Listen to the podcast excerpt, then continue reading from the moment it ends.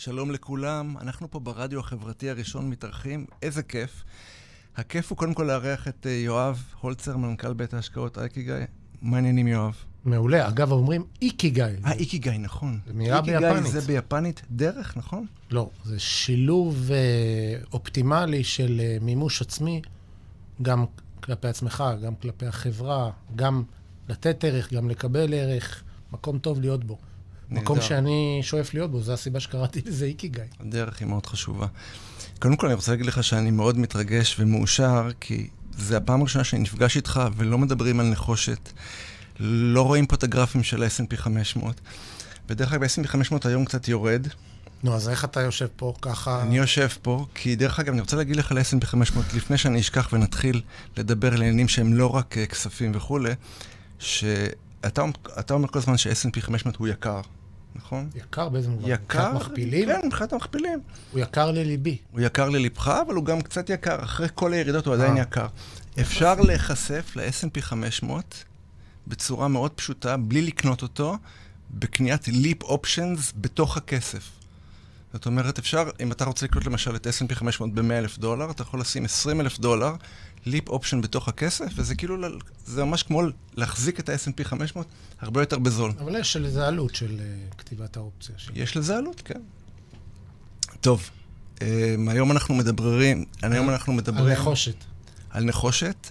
אנחנו לא מדברים היום על נחושת, היום אנחנו מדברים על תיכון פיננסי, Aha. ועל הקשר בין תיכון פיננסי לחיים. ותיכון פיננסי זה בעצם החיים עצמם. אמ, כשאנחנו מדברים על תיכון פיננסי, אנחנו צריכים להתייחס לכל התמונה. ואני אתן דוגמה נורא פשוטה. התקשרה אליי בשבוע שעבר אישה נורא נחמדה מרמת השרון, אה, שאמרה לי, תקשיב, הפנו אותה אליי, והיא אמרה לי, שמעתי שאתה מכן פיננסי? אמרתי, כן, והיא נשמעה נורא נלהבת להוציא ולדבר. היא אמרה לי, תקשיב, okay. אוקיי. אה, קיבלתי ירושה של 850 אלף שקל, ואני רוצה לשאול מה לעשות, ואני, ואפשר, אולי באג"ח ואולי אולי בקופת גמל להשקעה ובפוליסת חיסכון אולי, ואז אני אמרתי לעצמי, לא לה, אמרתי, רגע, רגע, רגע. נתתי לה, היא הייתה כל כך...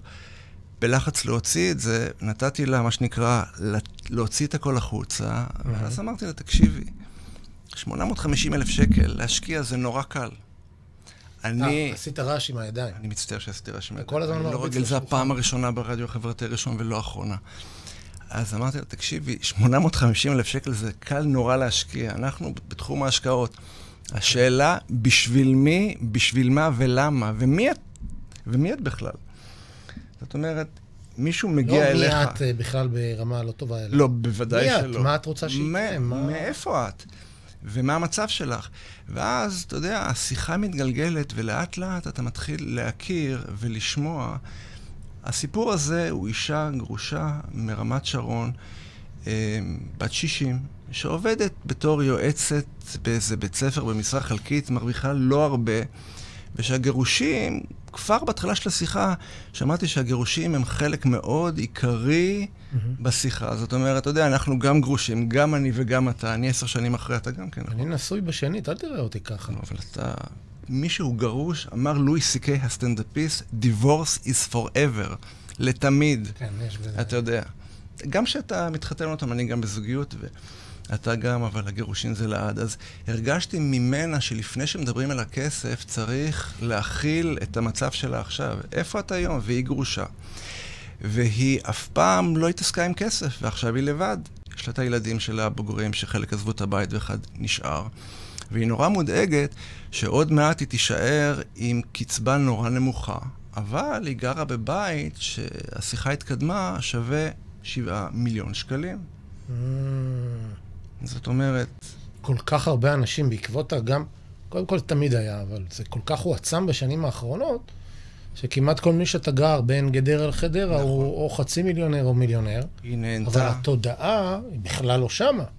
זאת אומרת, אם אתה לוקח, לוקח אותה עכשיו, לא מכיר את הסיפור, אני שומע את הסיפור ממך, אתה לוקח אותה עכשיו לעולם, כולם יגידו, וואו, את ממש מיליונרית, את יכולה... עכשיו כל החיים לא לעבוד, בתכלס יש אפשרות ליצור גם בסכומים האלה. אם היא תחיה בצנעה. מדהים. אז השאלה פה היא בכלל לא הייתה אותם 850 אלף שקל שהיא קיבלה בירושה, אלא איך היא רואה את העשור הקרוב שלה בכלל? היא נורא מודאגת של... בת כמה לא, היא לא, כעת? היא בת 60. Mm. גיל זכאות אצלה זה 63 בערך. חישבה שהקצבה שלה תהיה 5,500 שקלים. אחרי הגירושים היא נשארה עם הבית הגדול הזה. למה גיל הזכאות הוא לא 60 או 60? אמ, יש שם איזה חישוב, אנחנו, אני לא יועץ אוקיי. פנסיוני, אבל יש שם איזה חישוב כזה. והיא שואלת מה לעשות. אמ, ואתה יודע, כשהיא אמרה לי שהיא... הבית שלה הוא שווה 7 מיליון שקלים, ולאט לאט גיליתי ביחד איתה שיש גם קרן השתלמות, וזה תיק השקעות יפה. קטן, אתה יודע, לאט לאט מתגלים עוד ועוד פרטים, והבנתי, ככה, אתה יודע, כשאני עושה שיחות, אפילו שיחות היכרות עם לקוחות ממש בהתחלה, יש את השיחה עם הלקוח, ויש את השיחה במקביל שלי עם עצמי, בגלל הניסיון שיש לי, אז אני מדבר עם עצמי ואני מקשיב לה בערוץ אחר. ואתה יודע, פתאום הבנתי שרגע, רגע, יש לה כל כך הרבה אפשרויות, והיופי הוא שיש לה המון אפשרויות שהיא לא יודעת בכלל. זאת אומרת, אני רואה אותה בעשור הקרוב הולכת ועושה שלום עם העתיד הפיננסי שלה וההווה הפיננסי שלה, והיא עוד לא יודעת. זה כמו לראות איזה תינוק שהוא גדל והוא נורא מוכשר, והוא לא יודע איפה, לאן הוא יכול להגיע, והוא יכול להגיע להמון.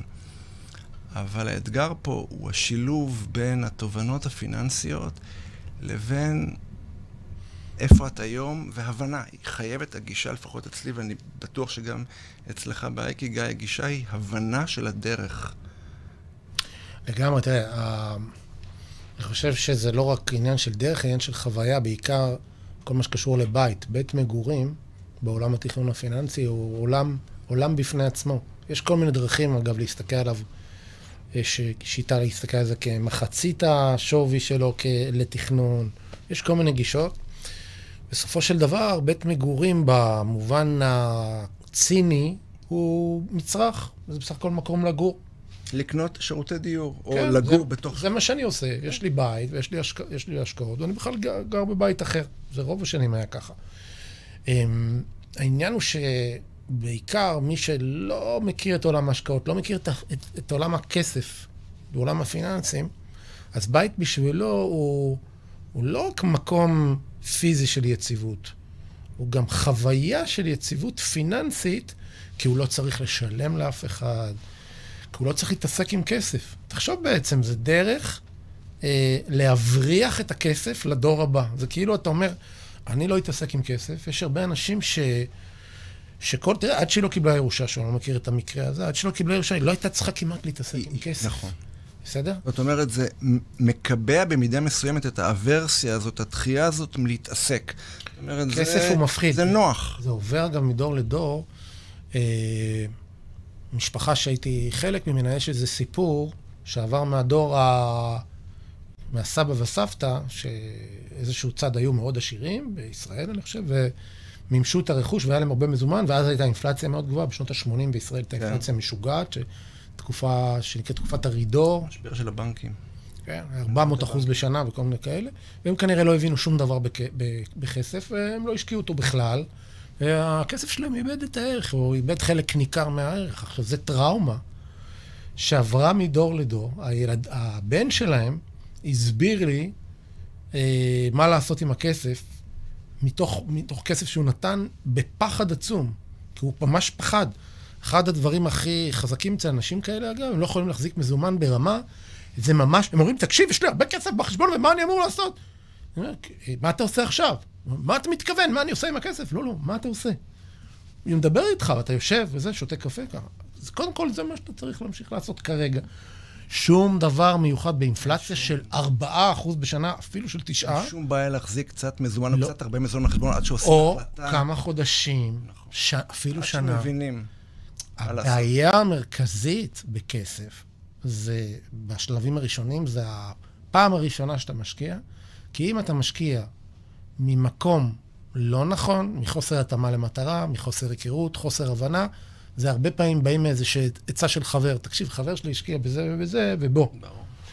אז אני חוזר לאותם 850 אלף. אז אותם 850 אלף, פתאום היא הבינה, אחרי רבע שעה של שיחה, שהם חלק מהתמונה הכללית שלה. זאת אומרת, הבית הוא חלק מהנכסים שלה. בסך הכל עשרה, נכון. עשרה אחוז מהתיק שלה, משהו כזה. והיא פתאום הבינה לאט לאט ש... לא אמרתי לה, כדי לא להפחיד אותה, בדיוק אתה, אתה מדבר על פחד, בשיחת היכרות, לא אמרתי לה שיכולה להיות אפשרות גם לממש את הבית, ואולי לעבור לדירה שמתאימה לה יותר. או... בית של שבעה חדרים, שהילדים עושים את הבית.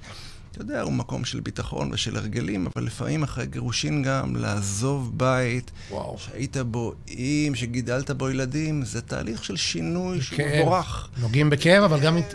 גם מתפטרים מכאב. כל הקלישאות האלה הם במקום מסוים הופכות לנכונות, אתה יודע, לגמרי. כל כאב מקום לצמיחה. מה שאני אגב התגרשתי, אז uh, גרושתי עזבה את הבית ראשונה, ומכרנו אותו, וגם אמרתי, אני אקנה אותו, ואמרו לי, תקשיב, זה רק יסבך, אחר כך היא תגיד ככה, גם, אמרתי, תן לה, בסדר, תמכרי. לקח לה איזה ארבע שעות למכור את הבית. משהו לא יאמן, היא בחיים לא מכרה כלום. ממש. היא כתבה לי בוואטסאפ, נראה לי הייתי כן. ב... יצאתי עם מישהי ב... בגרמניה, היינו אמורים להיפגש בטירול, אם אני לא טועה, והיא כתבה לי, תקשיב, אני מוכר את הבית, אמרתי לה, אבל זה לא המחיר שביקשתי, אמרתי, זה קצת פחות, אמרתי, לא. היא כבר סיכמה איתם על המחיר, ואחרי זה היא ביקשה לעלות, והם אפילו הסכימו, כנראה שהבית היה אחלה. ברגע שיצאתי מהבית, איזה שלושה חודשים אחרי, הרגשתי כל כך הרבה יותר טוב, כן. זה היה שינוי מדהים. אז בהקשר הזה, אפרופו, אתה אומר שהיא גרה עדיין באותו בית גרה עדיין באותו בית. וגם קשה מאוד לצמוח משם. ופה אני, אני, אני אמרתי לכפר בשיחת ההיכרות, ואני רואה את זה הרבה, אמרת, תקשיבי, תכנון פיננסי הוא פיננסי, אבל הוא יכול להיות, כמו שיש asset allocation של 30% נדל"ן, 30% אלטרנטיבי, 30% שוק ההון, גם תכנון פיננסי יכול להיות 50% רגשי, פסיכולוגי ונפשי, ו-50% פיננסי. תקשיב, תכנון פיננסי אמיתי. וזה הרגיע אותה. תכנון פיננסי אמיתי? מה זה אמיתי? תכנון פיננסי כפי שאני תופס אותו, אחרי כל כך הרבה כן, כמובן, שעברתי, זה קודם כל רגשי ומנטלי. כן. קודם כל. קודם כל. ואתה מקלף אה, שכבה אחרי שכבה, ואני אגב מרגיש, הרבה פעמים אנשים באים, אומרים, תשמע, זה עולה ככה, עולה אלף, עולה אלפיים, עולה, אתה יודע, לשעה, כל מיני. ברור. תקשיב, זה יקר. אני, אומר, אני בכלל לא באמת רוצה, לפני, אני לא אומר, אתה לפעמים עושה אחרת, ואנשים, אה, אין בעיה, אני מדבר ממש על עצמי, לא על החברה אפילו. אני מדבר כן. אני לפני פגישה שנייה, שלישית, גם, אני בסך הכל רוצה להקשיב ולהכיר את הבן אדם, להכיר את ההיסטוריה של ההורים, בכלל, מאין הוא מגיע. כדי שבן אדם ידע. הקשר הזה בין השיחות האלה לבין השיחות על כסף הוא נורא בעייתי, כי אנשים, במיוחד בארץ, וגברים דרך אגב, נורא תכליתיים. בפגישה ראשונה יש לי קרן השתלמות, ורוצים ישר להראות לך לאן הם הגיעו. יש לי קרן השתלמות בדמי ניהול כאלה וכאלה, ויש לי ככה ויש לי ככה. רגע, רגע, אתה זה קרן ההשתלמות שלך? יש, יש אותך קודם. תיכון פיננסי זה לא ייעוץ השקעות כדי למקסם תוחלת תשואה של מיליון שקלים. זה, האדם הוא במרכז. איפה לי מיליון שקלים, מה אני אמור לעשות איתם? בדיוק מה שאמורה לעשות אותה אישה עם 850 אלף שקל. אבל אני רוצה בכל זאת לגעת בנקודה הזאת. אז המשכתי עם הגברת הנחמדה לפגישה ראשונה. בפגישה ראשונה דיברנו על שינוי בחיים ועל כמה שהיא יכולה אולי הבית, מה המקום של הבית בחיים שלה. Mm-hmm. והסברתי לה, לאט לאט, שהיא יכולה לחשב למשקיעה כשירה, אם היא מוכרת את הבית. ויש לה עוד נכסים במיליון וחצי שקלים בבנק, איזה תיק השקעות מיועץ בבנק, ועוד קצת. היא משקיעה כשירה, ואז כל בעיית התזרים שלה יכולה להיפתר בצורה ש... די פשוטה. יש אנשים רגילים בשיח, בשיח שאנחנו בונים עבורם תיק פסיבי שעושה 40 ו-50 ו-80 אלף שקל בחודש. אנשים רגילים לא לחלוטין. לא, לא, לא חשבו, בכלל. לא ידעו. עכשיו, איך עושים דבר כזה? היום דיברתי עם איזה זוג. אמרתי, תשמע, יש לנו כמה נכסים, אנחנו צריכים לעשות סדר, אוקיי, יש לנו את הבית שלנו, יש לנו גם בית שבהזדמנות, ליד, שבנינו, ככה וככה. אה, כן, ויש לנו דירה שאנחנו קוראים, אה, ועוד דירה. פתאום בעצם יש להם ארבעה בתים, למעשה יש להם חמישה כאחד אה, נוסף בחצר. ופתאום אמרתי, רגע, תראו, אין בעיה עם התיק שלכם, הוא ממש טוב, חוץ מהתשואה. התשואה, נגיד, שלושה אחוז על ההון, במקום שמונה. בסדר? אגב, כן. יש כל מיני סימולטורים כן. שווה לך להיכנס באינטרנט, אתה רושם את השם שלך ואת הגיל, ומיד אומרים לך שאתה יכול לעשות 13% תשואה. בלי לשאול, חברים, לאן את, מאין הגעת או לאן אתה הולך. אני פונה לרגש שלכם.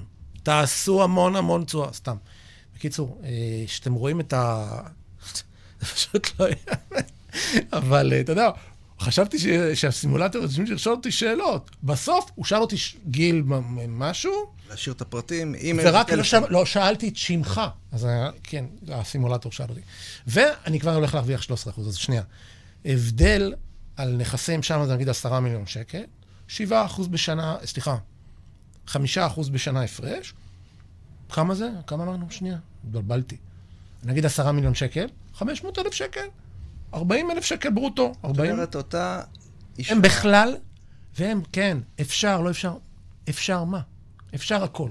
זאת אומרת, הרבה אנשים, במיוחד בגיל 50 פלוס, הם לא מודעים בכלל ליכולת שלהם. הם יכולים לפרוש, או... ואז המילה בכלל, מה זה לפרוש? מה זה בכלל, מה הכוונה לפרוש? למשל, אתה... עצמאות כלכלית, אני אלרגי למושג עצמאות כלכלית, פשוט אלרגי. אתה פורש. מה זה פורש בכלל? אתה רוצה לעבוד, אתה לא רוצה לעבוד. אתה רוצה לעבוד במשרה, בחצי משרה, ברבע משרה. אני רוצה להגיד לכם, חבר'ה, עצמאות כלכלית זה פשוט הגדלת אפשרויות בחירה, זה הכל. מי שיש לו אפשרויות בחירה הוא חופשי, לא? תראה, אני אגיד לך, אני אף פעם לא חשבתי, לי אישית הנושא הזה של עצמאות כלכלית, חופש כלכלי, כל המילים האלה, הם כאילו אין להם מקום, אבל זה בגללי. כי אני אומר את האמת, אני קצת וורקוהוליק. זאת אומרת, כן. אני יזם. אני מאוד, כן. מאוד אוהב ליצור ארגונים ועסקים. ואני אוהב, אני, בשבילי עבודה זה יצירה. עכשיו, אני אמנם מנכ"ל, אבל יש לי גם ימים שפחות. אז אני עובד פחות. יש לי אפילו ימים שאני לוקח פתאום חופש. אתה אומר שאתה בן אדם יואב. כן, כן. אז מה שאני רוצה להגיד, אבל רוב האנשים לא יזמים. רוב האנשים, אה, העבודה, הם... אני חושב שזה עניין של תרבות, הם הורגלו שצריך אולי אפילו לראות את זה כסוג של כורח, ואז זה לא סוג של יצירה. הרי בתכלס, הרבה אנשים היו יכולים להגר לעבודה שנותנת להם סיפור, אבל יכול להיות שירוויחו פחות. תשמע, ההבדל בשלושת אלפים בנטו בין 15 ל-12 הוא עצום. והוא כיף גדול. הוא עצום. מבחינתם, לא יכולים לוותר על השלושת אלפים נטו. אבל בתכלס, הם בינתיים על איזה שתי דירות שקיבלו בירושה, ברור. הם מפסידים 300 אלף שקל בשנה. אם אני אחזור רגע לאותה אישה שהיא נורא חוששת שהפנסיה שלה היא 5,500 שקל וזה התזרים היחיד שלה והיא רוצה לארח נכדים בעתיד, היא יכולה להגיע לתזרים שלגמרי יכסה את הוצאות המחיה שלה וגם לעשות תיק שיהיה אפשר לעזור לילדים הלאה ולהוריש. האפשרויות הן עצומות וזה היופי הגדול של תכנון פיננסי או תכנון של החיים. אני רוצה דרך אגב להסביר את המהות למי שלא מכיר. כן, אפשר לחשוב, רגע, איך זה יכול להיות שיש את כל האפשרויות? איך זה יכול להיות שבתכלס אפשר לעשות 8% על הכסף? בואו נבין את זה במהות. אז ההסבר שלי הוא מאוד פשוט. יש מעט אנשים באוכלוסייה, אני אחד מהם, שהם יזמים. יזם זה לא משהו, אגב, זה לא החלטה שלך. כן. אתה קם בבוקר, אתה רואה דברים. אתה רואה כל מיני דברים שאפשר לעשות. זה מוצא אותך. וזה חוויה, זה משהו מדהים. היו לי תקיפות, אגב, שיזמתי כמה חברות במקביל, זה משהו שבא מתוכך. עכשיו, אתה, יזם צריך כסף בשביל לממש את התוכניות שלו. לכל יזם יש גבול לכמה הוא יכול לקחת, כי בסוף יזם הוא גם איש משפחה, הוא גם בן אדם, זה אני לא מדבר כרגע אילון מאסק, אני לא מדבר על, יש לך 50 מיליון דולר בצד, זה לא המצב של רוב האנשים, גם לא שרוב... והבנק מוגבל בכמה שהוא יכול לתת, בכמה שהוא רוצה לתת. עכשיו, שזה שנותן לך את הכסף כדי לאפשר את הצמיחה, זה בעצם משקיע. אותו דבר זה יזמות בנדל"ן, יזמות באנרגיה, זה שני עולמות שאני מתעסק איתם, יזמות בתשתיות, יזמות בחוב, לא משנה, יזמות במה. יש לך רצון גדול לתת, לעשות, מכל מיני, אגב, סיבות. למה היזמים רוצים להוכיח משהו, חסר להם משהו בנפש. יצירה. באמת רוצים לתת, ולתת. יש המון סיבות, אבל הם מניעים את הכלכלה. הרי, נכון, אתם פותחים עיתון, כולם, אתה פותח עיתון. יש דבר כזה היום, עיתון עדיין, עדיין, נכון? אני חושב לא בדיגיטל. יש את ישראל היום, נראה לי. יש עדיין עיתונות. אז יש כותרות, זה עשה ככה וזה עשה ככה. אם אתה תלך ותקבץ, אתה תראה שאיזה 50, 80, 100, לא יודע מה, שהם עוד חוזרים על עצמם. יש עוד אלפים של יזמים, שלאחד יש חברה של 10 מיליון שקל, ואחד חברה של 30 מיליון שקל. כן, המון. זה כמו שאנשים... אלפים של יזמים. שואלים אותי לגבי, בכל... לגבי שוק ההון, אנשים אומרים לי, תקשיב, רגע, אם אני עכשיו אשקיע... בשוק ההון, ומה שנקרא, אקנה את השוק, קרנות צה"ל מחכות מדדי מניות רחבים, אין סיכוי שאני אפסיד? אז אני אומר לו, תקשיב, אם אנשים יפסיקו לנסוע בכביש 101 בלוס אנג'לס, נכון? אה, לא מכיר. לעבודה, וברכבת באנדרגראונד בלונדון, ופתאום אתה תצא החוצה ולא יהיו רכבים באיילון, יש לך מה לדאוג. אם לא, אז הקפיטליזם הוא צומח. הצמיחה היא עליית ערך של החברות, הדיבידנדים של החברות. לא הספקתי להגיד מה שבעצם רציתי מקודם. מה שאמרתי, שאתה, האנשים האלה שנותנים את הכסף ליזמים, לנדל"ן, להשבחה, לא משנה למה, היזם משלם לו כסף. כמו שהוא משלם לבנק. כן. זה עולה לו בבנק 4 אחוז, 5 אחוז, 6 אחוז, שם הוא ישלם 7, 8, אפילו 10, אפילו 11, אפילו 15, תלוי אם זה עסקת חוב או הון. זה לא משנה. זה ל- גם בעסקת הון, שאתה משקיע, היזם רואה בזה כסף שאתה נתת לו. והוא צריך להחזיר לך אותו והכל, או הוא צריך בוודאי. לממש את הנכס בכמה שאתה והריבית. מגלמת את הסיכון. או הריבית או השקעה, זה לא משנה, כן. מבחינת המשקיע, כן. מבחינת המשקיע זה כל מיני שמות. מבחינת היזם, תשמע, הוא מתעסק במקצוע שלו. הוא מקים עכשיו חברה ששולחת טילים ל... ל... למאדים. נכון. כמו אילון מאסק, הוא צריך כסף. כסף קונה... לשנה, לשלוש שנים או לחמש שנים. עכשיו תשים, תשים לב להגדרה. כן. הוא קונה את הכסף. עכשיו, זה נשמע כאילו זה מטאפורה. לא מטאפורה, מלאי. כסף, אגב, אחת מהחברות הראשונות שהקם, ש... סליחה, שהשקעתי בהן, שהייתי בן אה, 30, חברה פרטית שהתעסקה בתוכנה לתזרים מזומנים, והיא קיצור חינכה את ניהול המלאי, מלאי הכסף בחברה. בסוף כשאתה מנהל חברה, יש לך ספקים שאתה צריך לשלם להם, ספקים עובדים, ו... ואתה, ולקוחות שמשלמים, אתה צריך, לה, אתה, אתה סוג של מתווך שמעביר את כן. הכסף. כמובן, אתה גם צריך לתת ערך ב- בדרך, במה שאתה עושה, כל החברה. ברגע שמבינים שכסף לעסקים ולנדל"ן וכיוצא בזה זה מלאי, והמלאי הזה עולה כסף, אז היזם משלם כסף, וזאת הסיבה שאפשר להרוויח כסף. נכון. עכשיו, נכון מאוד שצריך להיזהר למי אתה נותן את הכסף שלך. כי יש רמאים, צריך לבדוק את הרמה של הביטחון. יש מעט רמאים, יש הרבה יזמים שלא, בוא נגיד ככה, לא בדיוק למדו בבית ספר על מנהל עסקים, עושים הרבה טעויות. אגב, רובם באמת מרצון טוב, עושים טעויות בדרך ומאבדים. לכן, חלק מה... חלק ממה שאיקיגאי עושה, תכף נדבר קצת על הייעוד לרגע, אולי, לא יודע איך קפצנו לזה, אבל בכל זאת, מה שאנחנו עושים זה לחנך ולהסביר איך בוחנים בכלל השקעות. נכון שאנחנו בית השקעות שמפיץ מוצרים וכן הלאה ומייצר מוצרים, אבל קודם כל זה מתחיל בחינוך, כי אנחנו לא רוצים שבן אדם יקנה, אנחנו לא אנשי מכירות. אז אנחנו גם מסבירים, היום יש סיטואציה, דיברתי עם איזה לקוח, ש, שכדי להתקדם, היינו צריכים להסביר לו, תקשיב, אתה חייב היום פשוט לחתום על הנייר, אחרת לא יהיה את ההשקעה הזאת. כן. עכשיו, התקשרתי אליו להסביר לו את העניין, אין לנו בעיה, אל תשקיע. רק שתבין, היא פשוט, אם לא, אנחנו שמענו לך את המקום, לא יהיה, אנחנו חייבים לאבד אותו, כי יש יזמים שאנחנו ממש מתחננים שייתנו לנו כמה מקומות, בעיקר בנכסים מאוד מאוד זה טובים. השקעות ש... פה זה נכס של יותר למעשה מ-100 מיליון דולר, לא- נכס אחד. לא משווקות. יש... בכניסה יש תור, מי שנכנס... תקשיב. מה מה היה הלקוח הזה אומר לי? היא אומרת לי, תקשיב, אני לא מוצאת עליו מידע. נכון? הוא לא רוצה, הוא לא רוצה, הוא לא רוצה, ואף אחד... אוקיי, אם אני אוריד אותך רגע מה- מה- מה- מהעננים, לא... אותה גברת, נכון. שבפגישה שנייה ושלישית היא מוכנה אולי למכור את הבית, ויש לה שמונה מיליון שקלים. איך יוצרים איתה יחסים של אמון כדי להוביל אותה להשקעה שתיתן לה, שתיתן לה איזון בין הגדלת הון לתזרים, ומסבירים לאדם שאין לו שום רקע בכסף ובהשקעות. קודם כל- בעיניי זה דרך אגב האתגר הגדול, כי לי ולך השקעות זה קל. זה קל, אבל לרוב האנשים זה לא קל. שמע, באמון, אני אגיד לך, פה... קודם כל, זה לא שיש לי איזה נוסחת קסמים, כן, אני אין בעצמי, נוסחת אתה יודע... קסמים. תראה, אמון, אחת הבעיות באמון, כשאמון נוצר, אצל רוב האנשים, ובצדק, אמון נוצר מעשייה, ממשהו עובדתי שקורה. אמון נוצר שאתה, שמישהו אומר לך משהו, ואז הוא מתממש. כן, זה יכול להיות בזוגיות, יכול להיות משהו קטן. נכון. אז מחר ניפגש שוב, אני אבוא לאסוף אותך בשמונה. אם אתה בא כן. בשמונה ורבע או שמונה וחצי, לא אומר שהלך עליך, כמובן, אבל היא זוכרת. אם אתה שוב ושוב, אחר כך היא תגיד, תקשיב, אתה, אז אנחנו נוסעים ביחד לחו"ל, נקנה ביחד כרטיסים, ואז אתה, פתאום בשיחה אתה לא עונה בזמן שאתה צריך לשים כרטיס אשראי, וואטאבר, כל דבר. בסוף זה עניין של אמון. את אומרת, ההקבלה פה אמון הוא לעולם עשייה, ההשקעות, אמון עושה מעשייה. ההקבלה פה לעולם ההשקעות יכולה להיות השקעה הדרגתית. זאת אומרת, אם יש לה חמישה, שישה מיליון שקלים להשקיע, הולכים ומשקיעים בהדרגה ורואים תוצאות ומבינים. לכן הקפיצה הזאת, נכון, נכון, לכן הקפיצה הזאת מלמכור בית כדי להפוך להיות לקוח כשיר, זה קפיצת דרך מאוד גדולה. כן. אה, לכן, במצב כזה, זה מצב קצת אה, אה, לא שכיח, בוא נגיד את זה, כי נכון. החלטה מאוד מאוד גדולה.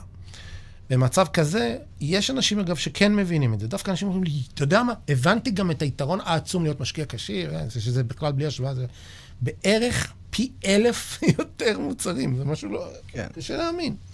משהו משוגע. פער בלתי נסבל, אפליה מוחלטת. אה, מה שרציתי להגיד לך, רגע, איבדתי את חוט המחשבה, תעזור לי, אחת, שתיים, איך, שלוש, איך כן, הקפיצה הזאת, רגע, רגע, כן, בדיוק. כן. אז אני אומר, מי שרוצה למכור את הבית, אני אומר, הבנתי אותך. קודם כל טוב. כדי למכור את הבית טוב, צריך להיערך לאן תגור. בואו נתחיל להפוך את זה למשהו אמיתי, מתי, בכמה כסף, נתחיל להתייעץ עם מתווכים, וזה צד אחד. צד שני זה בוא תתחיל ללמוד השקעות.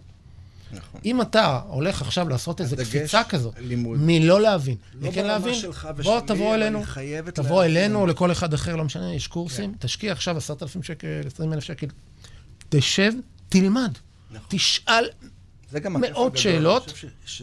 שחלק מהשינוי הוא הלימוד הזה פתאום באמצע החיים, בגיל 60, להתחיל ללמוד נושא שהוא חדש. בעיניי זה מרגש, אתה יודע, אנשים הולכים לחוגים אחרי הצהריים ללמוד כל מיני דברים, אז שילמדו כבר השקעות. כי השקעות זה גם להעביר את הידע לדור הבא ואת החשיבות של השקעות לדור הבא. תקשיב, אנשים, אני לא יודע, בהקשר של השקעותי, זה, תראה, אני פוגש השקעה חדשה כמעט כל יום. אה, היום היה איזו השקעה ב-IBI שדילגתי עליה, אה, פשוט לא הספקתי להגיע לפגישה, אבל, אז מישהו אחר היה, אבל הכוונה, קודם כל מגיעים אליי בלינקדאין 4-5 הצעות להשקעה ביום, כי כן. מכל העולם, כל מיני קרנות. ו... אז אני מסתכל, חלק, ממש עשר שניות, חלק דקה, וחלק מה, אומרים לו, תשמע, אתה יודע מה, לא אכפת לי לשמוע. אז זה מסקרן אותי ומעניין אותי, וזה כל הזמן משהו חדש. אה, זה מדהים אותי שהרבה מאוד אנשים, הם, הם, הם, הם דוחים, הם דוחים מזה, זה נראה להם, אני חושב שכל הקטע של כסף כנראה כואב. יש, יש המון כאב סביב כסף. אני, אני, אתה יודע מה, אני, אני רוצה להגיד לך משהו, יואב, זה לא רק הדחיין, הדחיינות היא לא רק מכאב, הדחיינות היא כי אופי אדם הוא דחייני. יש כל כך הרבה mm-hmm. זוגות צעירים ומשפחות שיושב להם מיליון, מיליון וחצי שקל בחשבון, והכסף, אני, אני קורא לזה, הוא חונה. הוא חונה באיזה חנייה שהם לא, שאתה יודע, זה, אם זה היה באיזה חנייה מתחת להבימה שעולה 30 שקל לשעה או 40, אולי היו לוקחים את לא החוצה. אבל הכסף 아. אה. חונה, והזמן עובר, ויש אינפלציה, והם לפעמים מכרו בית וחיכו איזה שנה, והמחירים עלו בעוד 15%, והפריים עלה, והמדד עלה. נתת לי רעיון לפוסט, תקשיב, על מה? שאני חונה בנתב"ג, לפעמים אני מגיע ברכבת, רוב הזמן אני מתעצל וזה, אני אומר, יאללה, בואו נשים את ה... כמה זה יעלה לי, כמה מאות שקלים, אני אכנה בחנייה.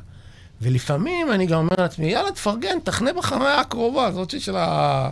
80? 80 שקל, כן. לא, לא יודע כמה. ועוד לא הגעתי לזה, אני עוד לא מבזבז מאות שקלים על VIP, לא. אין לי, האמת, לא נראה לי שזה אני, כאילו, לא קשור לכמות של כסף. גם אין לך אאודי, יואב. נכון, אין לי אאודי. דווקא הציעו לי... אאודי לבנה. אמרו לי בהתחלה, בגלל זה, סיפרתי לך את זה? לא, כן, שאמרו לך... כשהתחלתי את בית השקעות, אמר לי, זה מישהו, תקשיב, נורא חשוב שתיסע באאודי לבנה, כשיראו אותך וזה. עכשיו, אני מה זה רחוק מהדברים האלה, כאילו, אני לא יודע מה לעשות עם זה. וגם אני לא אוטו בשבילי, זה, מה, אני... אני על אופניים, חבר'ה. מה, אין לך בכלל מכונית? יש לי, אבל רוב הזמן על אופניים. נכון, אתה... היא חונה, אבל לפעמים אני צריך אפילו להטעין את המצבר באוטו של חברה שלי, פשוט האוטו לא זז. רגע, רגע. כן. טוב, אני יותר, אני כבר... אה, בחנייה, רגע, זה רעיון טוב, מה שאמרתי לך כן, לפוסט. שתקשיב, שאתה שם את האוטו בחנייה כזאת, ואז אתה, זה כאילו, בוא, 80 שקל ביום, בכל זאת זה כסף, אחרי עשרה ימים זה 800, אחרי 20 אה, ימים בחו"ל זה כבר 1,600, זה כבר הוצאה קטנה, אבל הוצאה. כמו הריבית על האופר. עכשיו, תחשוב, הרבה יותר כסף מוציאים על, הכסף שיושב בחנייה.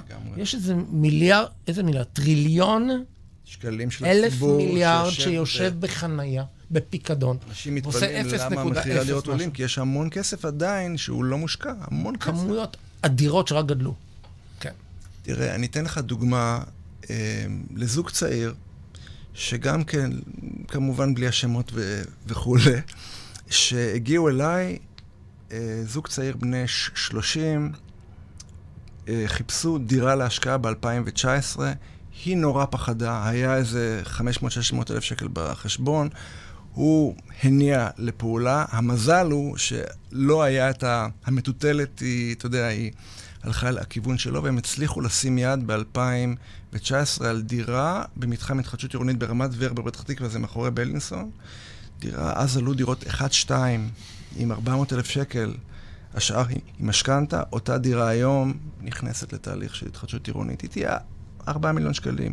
כי אני אומר זה המון, לא תהיה דירה במעגל שני שלישי לגוש דן בעשור הקרוב בפחות מ-4 מיליון שקלים. רואים את זה בכל, בגני תקווה, ברמת גן כבר מתקרב ל-4, בגבעתיים עברת 4.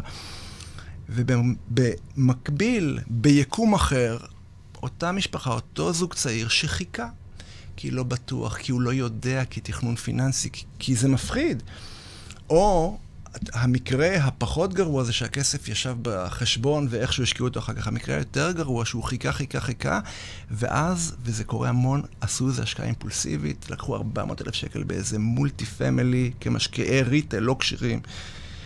והכסף, אתה יודע, הכסף הושקע, והתשואה מתעכבת, וגם הקרן לא עושה עלייה לארץ.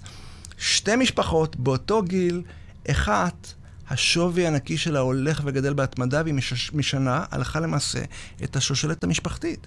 והשנייה, בלי ידע ובלי הבנה, ולא השקיעה, ו... ואז כשהשקיעה, עשתה את השקעה אימפולסיבית. וזה עצוב. כי זה...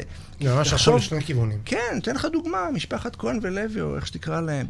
ההחלטה הזאת, הצומת הזאת, שמתכנן פיננסי מגיע לצומת, הוא כמו השוטר. אנשים לפעמים עוברים צמתים בחיים בלי להבין שהם בצומת. הם פשוט עוברים את הצומת ועושים החלטה, והחלטה נכונה שאתה עושה בצומת. אני אומר לאנשים, תקשיב, אתה שכיר, אתה עורך דין, אתה מרוויח 25 ברוטו. כדי להגיע ל-32 ברוטו, אתה צריך לתת את אנרגיית החיים שלך, לענות לאימיילים יותר, לבוא למשרד יותר מוקדם.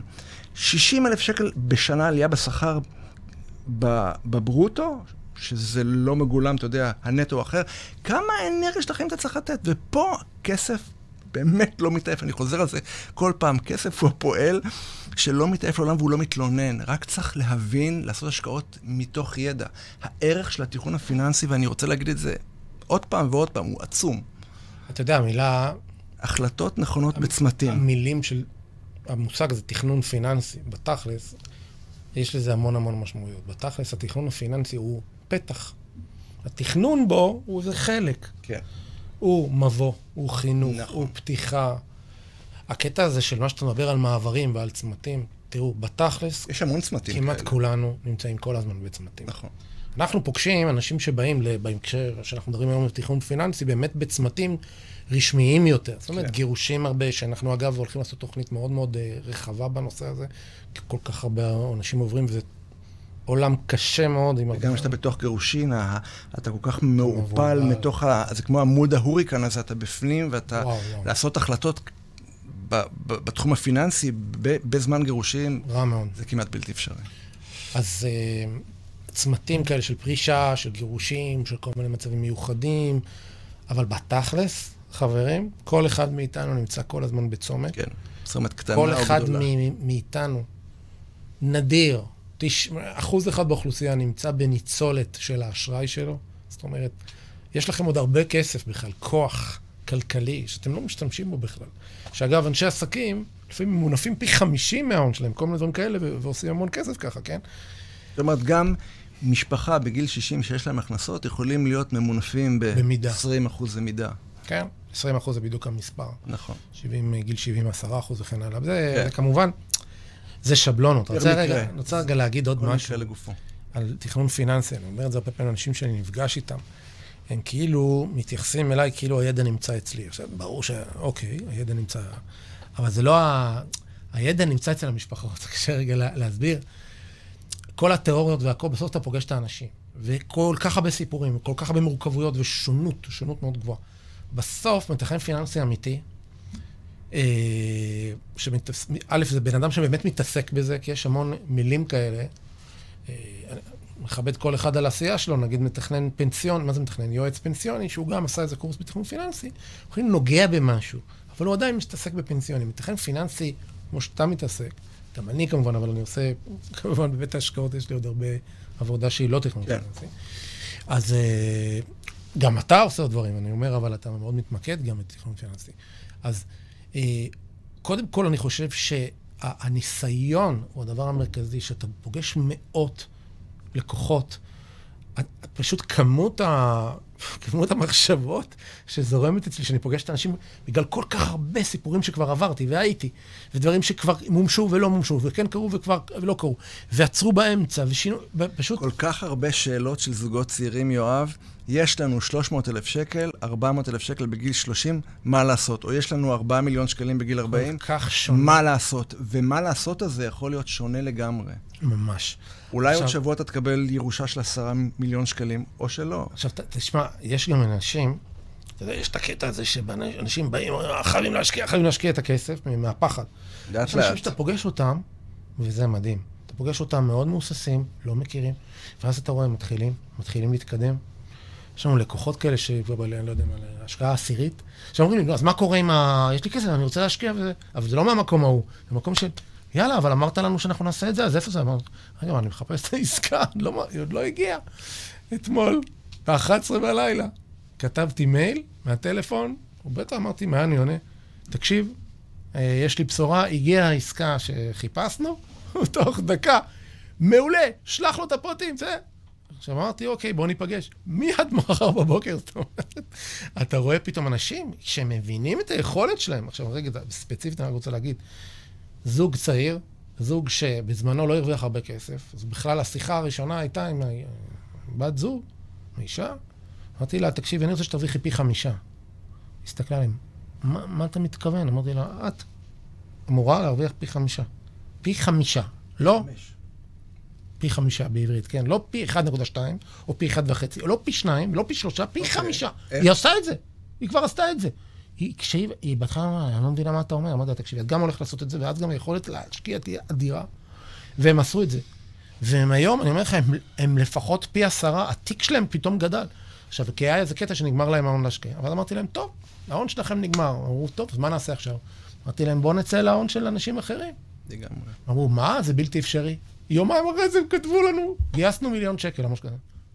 אמרתי להם, אתם רציניים? עכשיו, אני לא התכוונתי לזה, גם שלא כל כך מהר.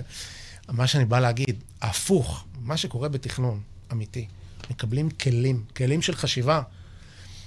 הפוך אני יכול להגיד, הרבה פעמים באים אלינו בבית ההשקעות אנשים שעברו תכנון פיננסי, אני שואל אותם, מה התכנון הפיננסי? אומרים לי, כן, עברנו תכנון פיננסי. נו, אז מה, מה עושים? מה ה-asset allocation? אמרו, להשקיע, אנחנו צריכים להשקיע.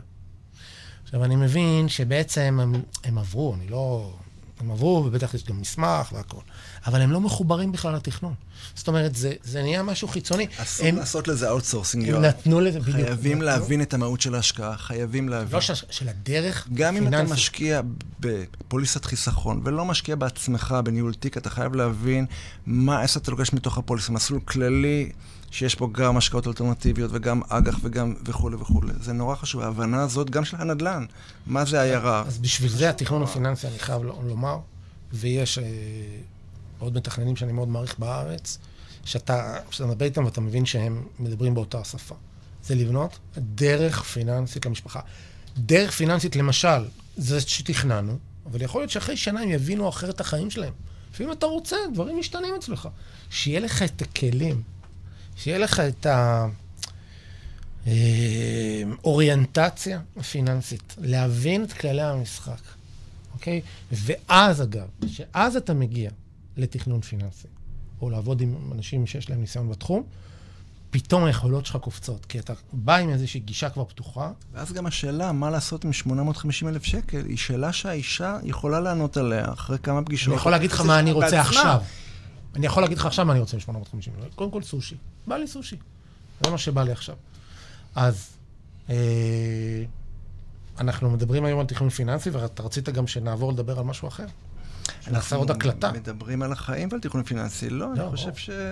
זאת ההקלטה שלנו? זאת לא? ההקלטה שלנו להיום, כן. אנחנו לא נעייף את הצופים הנחמדים שלנו, ואני שוב נורא שמח שלא הראינו היום שום כמה- גרפים. כמה זמן עברנו בינתיים? לא דיברנו אפילו על, אין לי מושג כמה זמן עברנו. על ה-10-year treasury. עוז כאן איתנו. עוז, כמה זמן עברנו? 40 דקות בול. או, 40 דקות זה מעולה. לדבר על ה-10-year treasury. בוא נדבר על עוד איזה עשר דקות.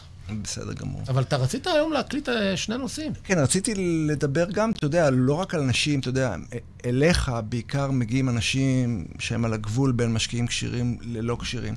אני הייתי בכל זאת רוצה לשמוע... וכמובן הרבה משקיעים כשירים. לשמוע מילה או כן. כמה מילים שחשובות לי מאוד, כי אני, אין שבוע שאני לא נתקל במשפחה שיש לה בארון איזה שלד של איזו השקעה אלטרנטיבית, Mm. שהם עשו אותה. עכשיו, הם עשו אותה גם לא בצורה נכונה, כי אתה יודע, כשיש לך מיליון שקל או 800 אלף שקל ואתה זה השווי הנקי שלך בגיל 35, אתה לא תשים 450 אלף שקל באיזה קרן multi family. זאת אומרת, לא בקרן, ב multi family אחד, בהשקעת multi family אחד. יש לך עשרה מיליון, אתה יכול יותר לפזר. והסכנות האלה, אני חושב שעשר דקות זה זמן נהדר לדבר על סיכונים, כי מבחינתי, ואני אומר את זה כמעט בכל מפגש או בשיחת היכרות, אסור להפסיד כסף. אם אתה בן 22, משתחרר מהצבא ומפסיד 50 אלף שקל, שיעור לחיים. אם אתה בן 28 עם ילד שקיבלת 400 אלף שקל והפסדת 250 מתוכם, זה לא נעים, כי האנרגיית החיים שצריך כדי להחזיר את הכסף הזה, אז היא אדירה. גם, אז גם, לא גם מפסידים אנרגיית כסף. החיים וגם החוויה שאתה... גם החוויה, וגם אתה אחר כך יכול, אתה יודע, ל- ל- להעביר את הפחדים לדור הבא, כי השקעות זה מסוכן. אז כמה מילים על סיכונים שבעולם שלך, שהוא גם לא רק השקעות אלטרנטיביות, מאיזה סיכונים צריכים להיזהר המשקיעים הלא כשירים, או משקיעי הריטייל? תראה, קודם כל, אני... אני אגש לזה ממקום קודם כל אחד. רוב ההשקעות האלטרנטיביות שאתם, אה, שמדברים איתכם עליהן, רגע, אני אדבר על המצלמה, מצלמה שמה. רוב ההשקעות האלטרנטיביות שמוצגות לכם, שמגיעות בדרך כלל מכל מיני פרסומים, או בהרבה מאוד מסוכנים פנסיוניים לצערי, ובטח מכל מיני פרסומות בפייסבוק, ובטח דברים שכתוב עליהם, אה, זה תכף נגמר, לא תהיה הזדמנות אחרת. היום קיבלתי מייל בבוקר מאחד הגופים, כן. דווקא זה גוף בסדר, אני כן. מאוד לא אוהב שהוא כתב את זה. הוא כתב, לא תהיה הזדמנות נוספת. אז עשיתי reply. נפתחה השקעה לישראלים להשקעה ב multi family ב... ישראלים יכולים נפ- להשקיע היום? נפתחה השקעה מיוחדת לישראלים ב... אז רגע, כת- הוא כת- כתבו, לא תהיה הזדמנות אחרת. אז עשיתי ריפליי, זה היה בשבע בבוקר. לא לגעת באף, אתה אומר? דווקא אני אגע באף. אתה רואה? הנה. מה שאני אומר, רגע, מה זה עושה שאני נוגע באף? חברים, כשאני נוגע באף, מה זה... רגע, מה אתה שרציתי יפה להגיד... בכל מקרה, מה שרציתי. להגיד, לא, דווקא לא. תראה, תראה איזה זה, זה זוועה, כשאני שמן בפנים, חבל על הזמן. מה שאני בא להגיד רגע, כתבתי, לא תהיה הזדמנות נוספת, עשיתי ריפליי, וזה היה כתוב, זה כן. לסופורט. חברים, תהיה הזדמנות נוספת, הכל בסדר. תהיה עוד הרצאה. כמו שה-S&P 500 לא בורח, גם. עולם ההשקעות האלטרנטיבי לא בורח, הוא תמיד זה, שם. הוא תמיד שם. כל, כל השיטות האלה, למכור לכם הזדמנות כאילו מיוחדת, זה אומר משהו מאוד מאוד ברור, שעושים עליכם מניפולציה. עכשיו, מניפולציה לא אומרת בהכרח שההשקעה פגומה, אבל תראו, בחוויית החיים שלי היום, שזקנתי בן 48 וח... וחצי עוד מעט, וואו, יותר, זוועה. בואנה, אני, אני מבוגר. עוז, תסגור את השידור, אני נהייתי זקן. בזמן השידור אני התבגרתי. אני הגעתי לפה בן 45, אולי, גג. רגע, מה שאני בא להגיד, שמישהו עושה אליי מניפולציה, הדבר הראשון שהוא עושה עם מניפולציה, אך, זה כבר התחלה לא משהו. עכשיו, מה זה אומר? יכול להיות לא, האיש השיווק שלו הוא מניפולטור, כן. הוא עצמו מעולה. רגע, רגע. השיווק, הוא ממסך לך את ההחלטות, הוא אבל הוא ממסך. נתן למישהו כזה. זה אומר שהוא לא שלם עם אחריות. בסוף. לא, רגע, לא, לא, רגע, משהו אחר. שהוא לא שלם עם עצמו, כי אם הוא יודע שהשאלה שלו היא טובה, הוא צריך להיות סבלני, לבנות את הלקוחות שלו באמת. רגע, אני אגיד, באמת, זה לא... בתוך, תוך כדי שימוש באמת, זה מה שהתכוונתי להגיד. כן. לעשות אמת, לפעול באמת. אגב, שזה הלב-ליבה של התורה היהודית, אגב. להגיד אמת, להיות איש של אמת, להגיד דברי אמת. אה, וזה מאוד, אגב, בחברה הישראלית, לצערי, הרבה הרבה אמ- אמת ככה לאט לאט התחילה להיפרם, ואני מקווה שזה יתחזק חזרה. אז קודם כל הדרך שפונים אליכם, אם מישהו אומר, תקשיב, ההשקעה נסגרת עוד יום, זה יכול להיות, דיברתי על מקרה אמיתי, בשביל זה התקשרתי להגיד להם, תקשיבו, אנחנו לא דוחקים בכם כדי להשקיע, אל תשקיע. לפעמים היא באמת נסגרת תוך יום. היא. פשוט באמת נסגרת. אבל זו דווקא השקעה שלא משווקת כן, באגרסיביות. אוקיי. לא, אבל אה, התקשרתי להגיד להם, כן. תקשיבו, אני שמעתי את השיחה של מישהי מה- מהחברה, אתם יכולים אולי לפרש את זה כלחץ, זה לא לחץ. כן. אל תשקיעו. זו השקעה מעולה, אבל אל תשקיעו בה. פשוט באמת נגמר לנו הזמן. כן. היזם לוקח את המקומות. יש 35 ניצאים, יש זמן, זהו, נגמר. אוקיי, עכשיו רגע. קודם כל, הדרך הזאת. דבר שני, תראו, יזם שאתם עובדים איתו, לא יכול להיות uh, ילד. לא יכול להיות. אני, אני לא יודע איך להגיד, תשמעו, אני התחלתי להיות יזם בגיל 30. דרך אגב, דווקא היזמות הראשונה שלי הייתה ממש מוצלחת. אבל אחר כך הטעויות הגיעו. תקשיבו, וזה בסדר לוקח זמן לטעות. רגע, אני אגיד איזה משפט, תקשיב לפ- לפנתיאון. טיל, טיל. לוקח זמן לטעות, למה? כי אתה בונה עסק, אתה בונה שיטה, היא לא מצליחה. לקח לה חצי שנה, שנה. לוקח זמן לאנשים להבין, להתבגר, לדעת... חשוב נורא להגיד את הנקודה הזאת, יואב, שהרבה מאוד מהחברות האלה של מתחמי מולטי פמילי, כל מיני קרנות, הם לא נוכלים ולא רמאים בכלל. לא, הכוונות. שלהם מצוינות. אני אומר, ראיתי היום אבל אין השקעה. להם ניסיון של 20 שנה, והם לא. מנהלים אז, אז בוא נלך עכשיו, אני 100 מדבר קצת... אני 200. מדבר קצת מסביב, אני אגיד ככה. הרבה צריך. להיות... לא, בסדר. בוא, מה, עוז לא אומר, לא הגביל אותנו בזמן. כמה זמן יש לנו? יש לנו זמן.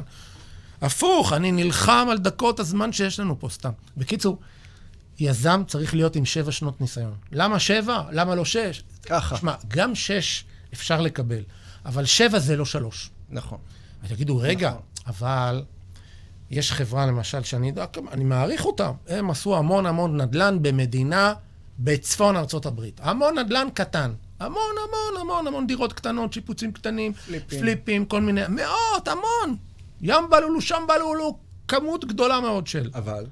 עכשיו, הם החליטו בצדק לעבור, לעבור מנכסים יותר גדולים. גדולים, כן. אבל הם עברו גם למדינה אחרת. הם עושים עסק אחר, זה לא אותו עסק, יש להם פליפ של ארבע דירות. הכוונות שלהם נהדרות. אבל זה לא מספיק. מדהימות. זה לא עכשיו, מספיק. אני גם לא חושב שהם טובים או לא טובים, אני אפילו לא בודק. התקשר אליי הבן אדם, אמר לי, יואב, תעבוד איתי. אמרתי לו, בטח, בשמחה. תצבור ניסיון. שלח לי חומר. שלח לי חומר, התקשר, נו, אתה נכנס? אמרתי לו, לא, איך אני אכנס? הוא אמר, רגע, אבל אמרת לי שזה טוב. גם העסקה נראית לי אחלה, אמרתי לו, אבל כמה ניסיון יש לכם? זו העסקה הראשונה כן. שלכם או השנייה? נורא חשוב. עכשיו תשמע, אז קודם כל שבע שנות ניסיון. תקשיב, אם בן אדם עבד בתחום מאוד גדול, ועבר עכשיו ממחסנים לוגיסטיים דו-קומתיים למחסנים לוגיסטיים תלת, זה אותו סיסטמה, פחות או וזאת יותר. עסקה שנייה, שלישית, רביעית, אוקיי. אבל אם עשית פליפים על single family ועברת ל multi family באטלנטה, גדול? תקשיב, אני לא יודע 100 איך... לה- דלתות פלוס, לא זה. עולם אחר. אני אתן לך דוגמה הפוכה, כאילו דוגמה רלוונטית. פנה אליי איזה בית השקעות מאוד גדול, ש... שעובד, יש לו תיק של אה, חמישה מיליארד, מה זה מאוד גדול? חמישה מיליארד דולר. תיק, אה, חברה, אגב, אה, מעניינת. ש... שאחד הבנקים הגדולים השוויצריים, משהו כזה, הנגיש לו איזו הש... השקעה. הוא אמר, תקשיב, נראה לי שזה בול בשבילך. כי אני מתעסק הרבה גם ב multi family. מבין, בתור עצמי וכן הלאה. כן. שלח לי חוב ל multi family במקרה באטלנטה. אמרתי לו, וואלה, נראה מעניין דווקא, נחמד. שלח לי את נכסי הבסיס. הוא אמר, לא, אין לי את זה פה, אני אבקש. שלחו לי נכסי הבסיס, אני מסתכל, מסתכל, אני רואה. נכסי הבסיס ככה, תפוסה נמוכה, אני רואה את האזור, אני רואה את זה, אמרתי לו, לא, מה פתאום, לא נכנס לדברים האלה, מה, איך אתה יודע? אמרתי לו, אתה עושה צחוק? תסתכל על התשואות, תסתכל על התפוסות, בדברים הכי בסיסיים. כן. עכשיו, הוא, מאותו רגע, הוא ככה הסתכל עליו, אמר לי, וואלה. זה עוד לפני בדיקת הנוטות העמוקה. זה מין- איזה בדיקת נוטות? זה מבט... אה, 14 שניות. כן. איזה בדיקת נאותות? עכשיו, רגע. א', הגיל, הגיל של הבן אדם, יזם שבע שנות ניסיון והוא כן. בן 28, אני לא אומר לכם חד וחלק. ולא- ויתר על מסיבות קשה- בקולג'. קשה לי. לא, יש גם אנשים, יש אנשים, כן. אבל קשה לי. דבר שני זה ניסיון, דבר ש... והניסיון צריך להיות רלוונטי. דבר שלישי זה האזור. אותו דבר גם קרן חוב. בן אדם אמר לי, עשיתי קרן חוב לעסקים, עכשיו אני עושה חוב לנדל"ן. או איזה זה, חוב לנדל"ן ב, אה, בליין שני, כאילו בשעבוד שני או בשעבוד ראשון? רגע, רגע, רגע, עצור, למה עברת לשעבוד שני? אז מה קרה בשעבוד השני? כי להצליח זה קשה ביזמות עצמה, לא בהשקעות האלטרנטיביות. הדבר עצמו, הרי מה זה השקעה אלטרנטיבית? יש שם נכס. ברור. כדי שההשקעה, שכל הקרן תצליח, או שההשקעה הספציפית, העסקה צריכה להצליח. יש אנשים ויש ניסיון ויש עכשיו, ניהול. דבר, נו- דבר נוסף. רוב האנשים לא מבינים את ההבדל בכלל. הם אומרים להם, תקשיב, נגיד מולטי פמילי, זו דוגמה שהרבה אנשים מכירים. אז יש תפוסה 50 אחוז, בואנה, יש בשר, אומרים לי. יש בשר להעלות את התפוסה. חבר'ה, חבר'ה, חבר'ה, תקשיב. אני נכנס במינימום 90 אחוז, או לא משנה, בקרנות חוב במינימום, במקסימום 7.5 אחוז תשואה בקרנות חוב איכותיות. אומרים לי, למה? יש שם בתשע. אני אומר להם, אתם יודעים מה זה? עוד חצי אחוז או עוד אחוז וחצי בתשואה בחוב? אתם יודעים מה רמות הסיכון שאנחנו מדברים? מה ה-LTV? אה, 70 אחוז? אה, רגע, איזה שעבוד שני? יש שעבוד, לא תמיד, השעבוד... אבל תקשיב, זה חבר'ה רציניים. אני אומר, תקשיב, מה זה בתחום החוב? מה זה חבר'ה רציניים? בסוף צריך לש... אם אין שעבוד נכסים, מה אתה רוצה שנעשה? חבר'ה, בן אדם רציני יכול למות? סתם, אני אתן דוגמה. אגב, אני, אני מדבר ברצינות, אחד הסיכונים הכי גדולים במקצוע של השקעות זה שבן אדם לא יהיה שם. גם אג"ח זבל יכול להגיע לדיפולט. בדיוק. אגב, החתימו אותי באיזה קרן עכשיו, שמישהו אה, רצה, אה, הוא אה, דרש ממני שיהיה כתוב שאם חודש אני לא בתקשורת, יש להם עילה לפטר אותי כמנהל. האמת, אמרתי, מה זה? ואז אמרתי, טוב, בעצם, תחשוב שאני המשקיע. אני פונה יום, ויום, אף אחד לא עונה לי. מה צריך להיות? אז אמרתי, רגע, ואם אני בחו"ל? אז אמרתי, מה זה אם אתה בחו"ל? אז תגיד להוא שיענה במקומך, וחוץ מזה, תהיה עם טלפון. אז אני בתור מנהל או יזם, צריך להיות עם טלפון? לא אומר להיות 24-7, אבל תענה, גם כשאתה בהימאליה, אגב, אתה יכול להוריד מיילים פעם. הסיכונים האלה למשקיעים שאינם כשירים, זה לא רק לא הסיכונים, מסודר. זה לא רק הסיכונים ש... שאנשים חושבים שהם מכירים, זה הסיכונים החבויים, מה שנקרא unknown של ה-unknown. רגע, נורא חשוב להדגיש את הנקודה הזאת. פה הבעיה יש המון unknown שאתם לא מכירים. אתם לא יודעים את מה שאתם לא יודעים. בדיוק. עכשיו, אחת מהבעיות של משקיעי ריטל, הם אומרים, שמענו, הבנו, עכשיו אנחנו נבין איך לנתח. הם לא יודעים שאחת מכל חמש עסקאות כאלה, אה, עכשיו רגע. התשואה לא חוזרת. עכשיו אני חוזר רגע לעוד בעיה. הבעיה הראשונה היא שרוב מה שאתם רואים הוא, הוא השקעת זבל. אני אומר את זה כמו אג"ח זבל, אבל הכוונה שזה באמת זבל.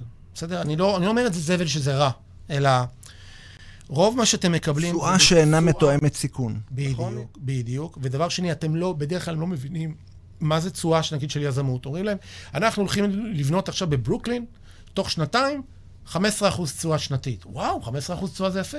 אבל תקשיב, ביזמות, פחות מ-20, 25, בתכלס פחות מ-30 אמור להיות, אבל כן. בוא.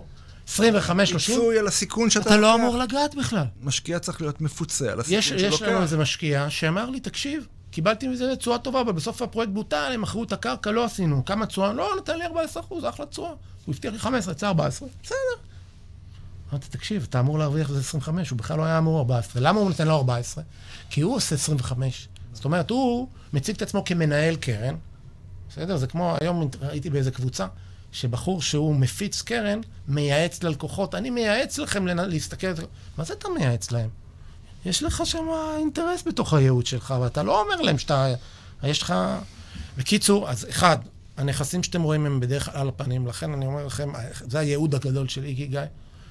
מצד אחד יש retail, גם שאנחנו עובדים גם עם הרבה כשירים וכיוצא בזה, אבל... ו family office, יש לנו כמה פעילויות, אבל מבחינת ה retail, שזה הדבר הכי חשוב, כי זה רוב האנשים בעולם. מצד אחד לקח את ה retail, מצד שני להפגיש אותם עם המוצרים הכי טובים. וגם לדאוג שזה מתאים להקצאת הנכסים שלהם. אם זה, אם זה כסף אחרון או ראשון, אה, אין בכלל מה לדבר. זה חייב להיות חלק מהקצאת נכסים שהיא הגיונית ועושה שכל. זה הבסיס. ברור. בסדר? כן, אבל צריך להגיד את זה. לך זה ברור, לרוב האנשים זה לא, פחות ברור. לא, זה ברור שזה אצלנו, אנחנו מיד שואלים, קודם כל, רגע, מה, תספר לנו, אוקיי, לא עשית תכנון, בוא נדבר. רבע שעה, בוא נבין על מה מדובר, על מה...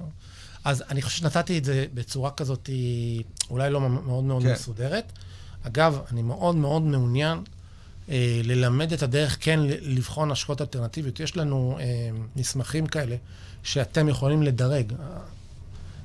כולם, הכוונה, יכולים לדרג באמצעות המסמך השקעות אלטרנטיביות, גם אם לא הייתי מסתמך על זה, על הדירוג הפנימי, אבל זה נותן לך עדיין... זאת אומרת שמגיעים אל המשווק, שואלים, מתחילים לשאול אותו, והוא... מתחילים לשאול אותו שאלות.